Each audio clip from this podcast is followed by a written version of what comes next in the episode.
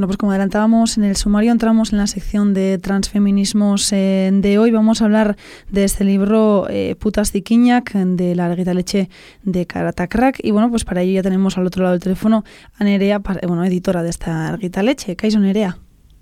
Kaiso. Egunon. Bueno, pues eh, un libro, bueno, que sus autoras o autores fueron Juno Mac y Molly Smith bueno, eh, y luego fue traducido eh, por eh, Amaya Astovista. no sé si, bueno, te gustaría, bueno, nos gustaría comenzar hablando un poco también, bueno, pues de Mac Juno y Molly Smith, quienes fueron trabajadoras sexuales, quienes escribieron este libro, bueno, pues quiénes eran estas dos personas. Pues ellas dos son, tal y como, como has dicho, son eh, son dos mujeres que han sido o son trabajadoras sexuales eh, y que además eh, están en, el mundo de la de la academia y son, digamos, quienes han decidido mm, recoger las voces y las experiencias desde el, trabajo sexual, ¿no? Entendido, digamos, como, como ese trabajo y, y desde una perspectiva pro derechos eh, y han escrito este este libro, ¿no? Que para crack se llama Putas y que en inglés Revolting Prostitutes y, y en castellano, que lo digo traficantes de señas también, eh, Putas Insolentes. Sin embargo, aunque ellas hacen eh, ese trabajo recopilatorio, son muy cuidadosas, muy eh, y en la introducción del libro insisten mucho en que en que ellas no hablan por todas las trabajadoras del sexo, que, que no pretenden ser, digamos, portavoces de todo ese, ese espacio y que hablan básicamente pues de sus experiencias. Y, como de las experiencias que han vivido en el trabajo. ¿no? no solamente suyas, sino que recogen también la voz de muchas mujeres. Eso es lo que quería preguntarte. O sea, son, es, eh, este libro diríamos que es una recopilación de diferentes experiencias o, o, cómo enfocan este libro. No, no es, digamos, que solo un relato, ¿no? Porque a veces, bueno, nos podemos que, además, así hablan de, explícitamente, ¿no? Dicen, este no es un libro, en la introducción nos, nos dicen, este no es un libro eh, sobre experiencias concretas de trabajadoras del sexo. Este es un libro que da un marco político y, y, discursivo para entender el, el, trabajo sexual, ¿no? Que lo organiza en torno a tres ejes, al sexo, al trabajo y a las fronteras.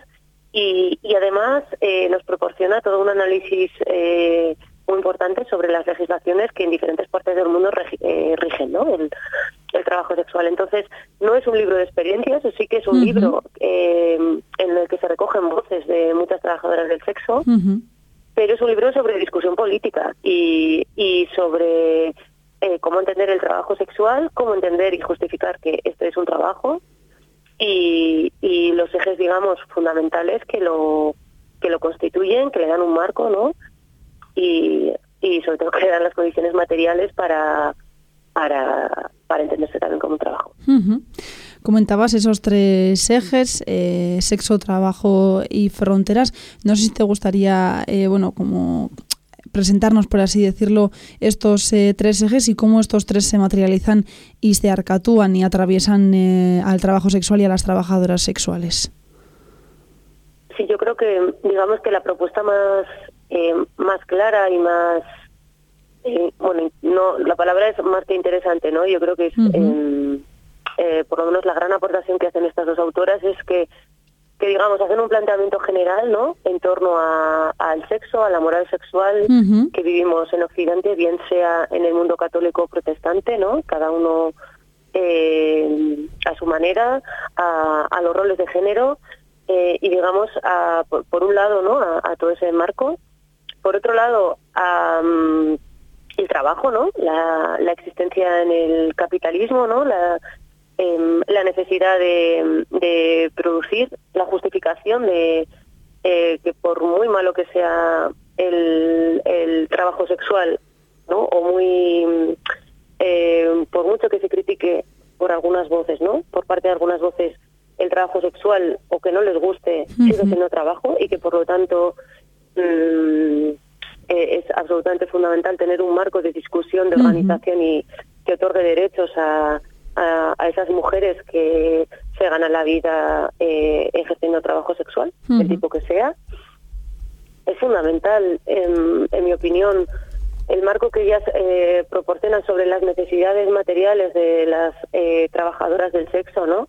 Su organización y de dónde viene la precariedad que, que ellas que ellas sufren en, en buena medida y que eh, esa precariedad em, y, la situación de muchas trabajadoras del sexo se resolvería teniendo un marco material de existencia eh, que les permitiera tener otra otra, otra estabilidad, ¿no?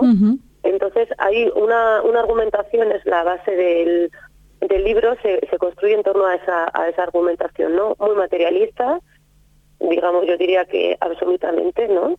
Hablando sobre las condiciones materiales en las que la mayoría de mujeres eh, que ejercen el, trabajo sexual tienen, ¿no? Eh, las necesidades em, eh, que de ahí surgen y luego atravesadas por el tercer eje que plantea el libro que hemos hablado antes, que es el de, el de frontera, em, es decir, la situación de ilegalidad y por lo tanto de carencia de derechos para ejercer otro tipo de trabajos, tener papeles, tener alquileres o ayudas sociales, Em, empuja a, a, muchas mujeres a que a, que, a ejercer el trabajo sexual también, ¿no? Ellas, digamos que no moralizan en torno a esa decisión si es la correcta o no, sino que simplemente se dedican a hacer una foto, ¿no? Una foto fija eh, que habla de, de, tres elementos centrales que atraviesan el trabajo sexual, que son la frontera, es decir, la precariedad eh, y eh, ¿no? la jerarquía entre personas por las leyes de extranjería que existen en, todos los países de Occidente. El trabajo, la necesidad de, de, organizar y, de entender en, un marco de relaciones laborales eh, lo que hacen estas mujeres, ¿no?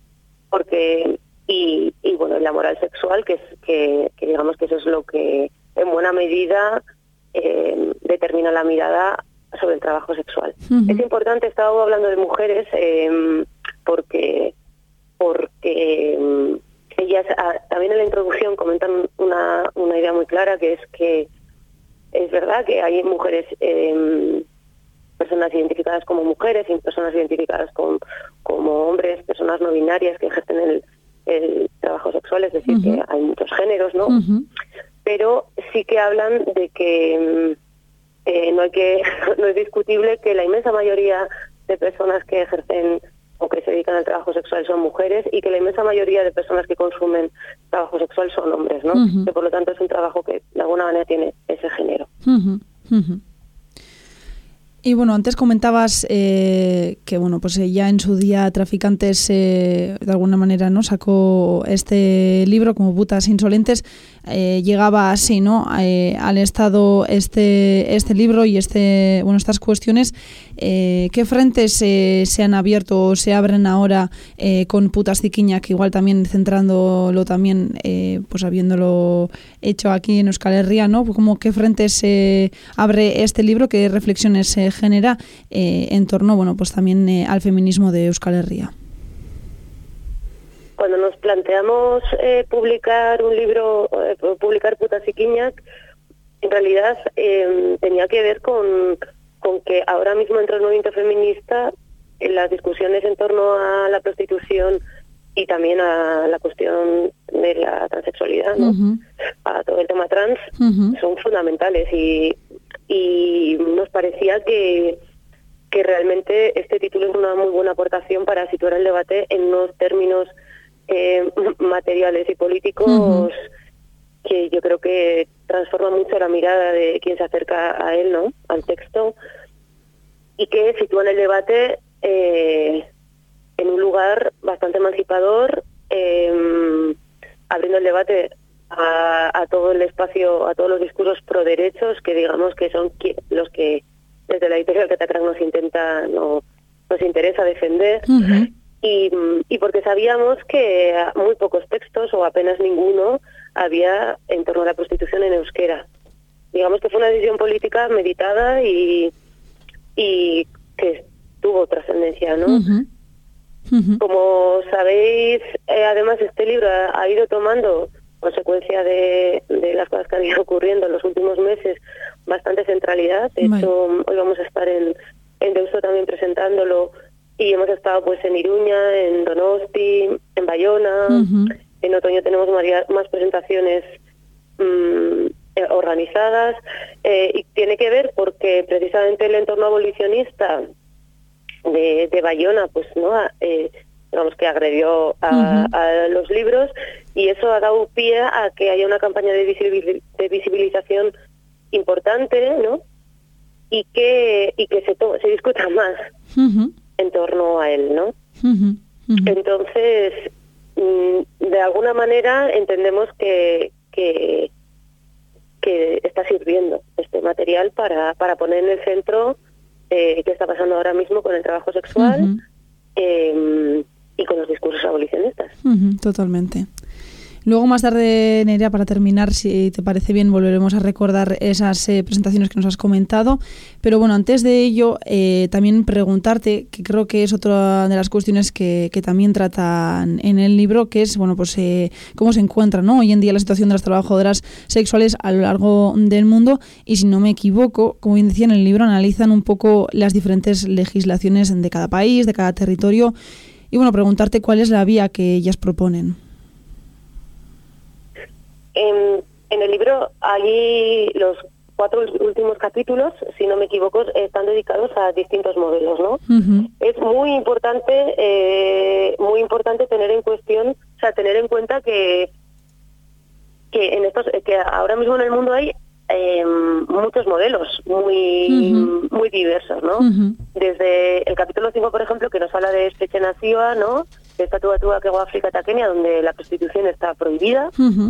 Eh, por lo tanto, eh, ¿qué marco ocurre ahí? Es decir, eh, claro, es ilegal la compraventa de sexo y por lo tanto, pero sin embargo, por supuesto no deja de hacerse. Entonces, la vulnerabilidad que sufren las trabajadoras del sexo en un marco de prohibición.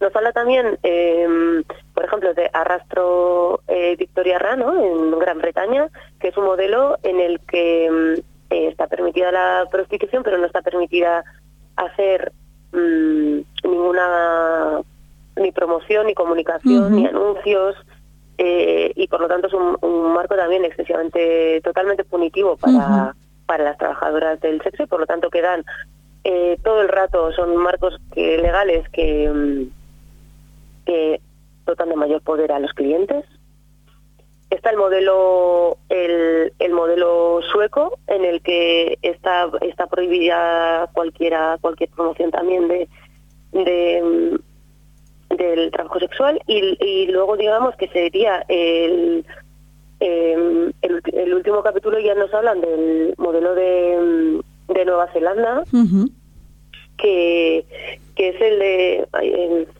el, el, regulacionista perdona no me sale no, tranquila en el que, en, y, digamos que aunque no sea un modelo perfecto, es el que eh, ellas inciden eh, en, esa cuestión bastante, porque las mujeres que no tienen nacionalidad neozelandesa no están eh, bajo el mismo paraguas. Sin embargo, el, es un es un modelo que en el que la, en las trabajadoras sexuales simplemente está permitido el trabajo sexual, eh, y además es, eh, tienen un marco legal de apoyo y amparo como cualquier otro trabajo más. Cotizan a la seguridad social, tienen sus derechos, eh, tienen papeles, tienen seguridad social.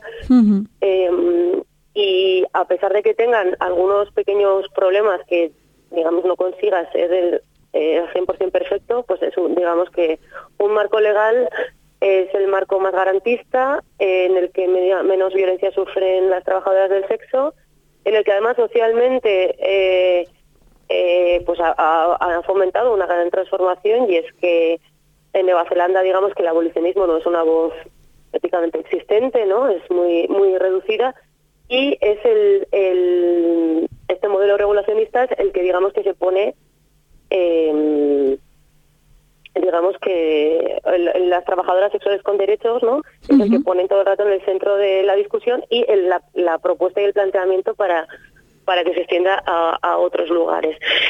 Es verdad que en, Nueva Zelanda allí tiene su historia particular porque llevan, han estado, estuvieron varias décadas trabajando junto con las trabajadoras del sexo para ver, ¿no? Para construir ese marco. No fue una, una decisión solamente desde arriba. Sin embargo, eh, bueno, digamos que es el más satisfactorio.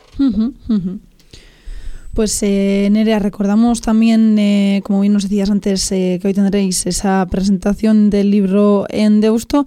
Eh, ahora mismo no me acuerdo si has comentado algún otro lugar en el que iréis presentando. Creo que también me suena de que había, has dicho en septiembre. en, otoño mm. iremos a, a Elizondo, iremos también creo que a Rasate y algún otro sitio más, pero bueno, eso ya ya lo avanzaremos en su momento. Eso es, poco a poco iremos teniendo más noticias sobre, sobre esas presentaciones. Y nada, terminar preguntándote si tenéis, eh, bueno, eh, si estáis ahora mismo centrados en esta presentación, eh, en este libro, si tenéis algún otro libro, otro proyecto entre manos en torno a este tema que pueda seguir ayudando, bueno, pues en la comprensión y en el apoyo a las trabajadoras sexuales por sus derechos. Estamos, tenemos en mente alguna cosa, pero bueno, la verdad es que mm, no hay tantos libros sobre trabajo sexual que, que, impulsen o defiendan ¿no? o propongan miradas autónomas y, y eh, emancipadoras, ¿no? De alguna manera, un poco, eh, digamos que den libertad a las trabajadoras del sexo. Y, y no es tan fácil eh, traducir estos libros, pero bueno, estamos a la búsqueda. Así que nada. Pues Nerea, no sé si te gustaría añadir alguna cosita más eh, que se haya podido quedar en el aire antes de dejar aquí la entrevista por hoy. No, no, no, sé, agradezco mucho la entrevista y nada, sabéis que Catacrack tiene licencias Creative Commons y que podéis leer el libro, lo podéis descargar desde nuestra web. Pues Nerea, mi es que por estar aquí hoy con nosotros en eh, Suelta la olla, por traernos este libro Putas Tiquiña y las cuestiones eh, en torno a este. Y nada, pues si te parece bien, lo dejamos aquí por hoy. Nos escuchamos pronto con más. Vale, que casco. Mi Agur, ¿dónde están? Agur.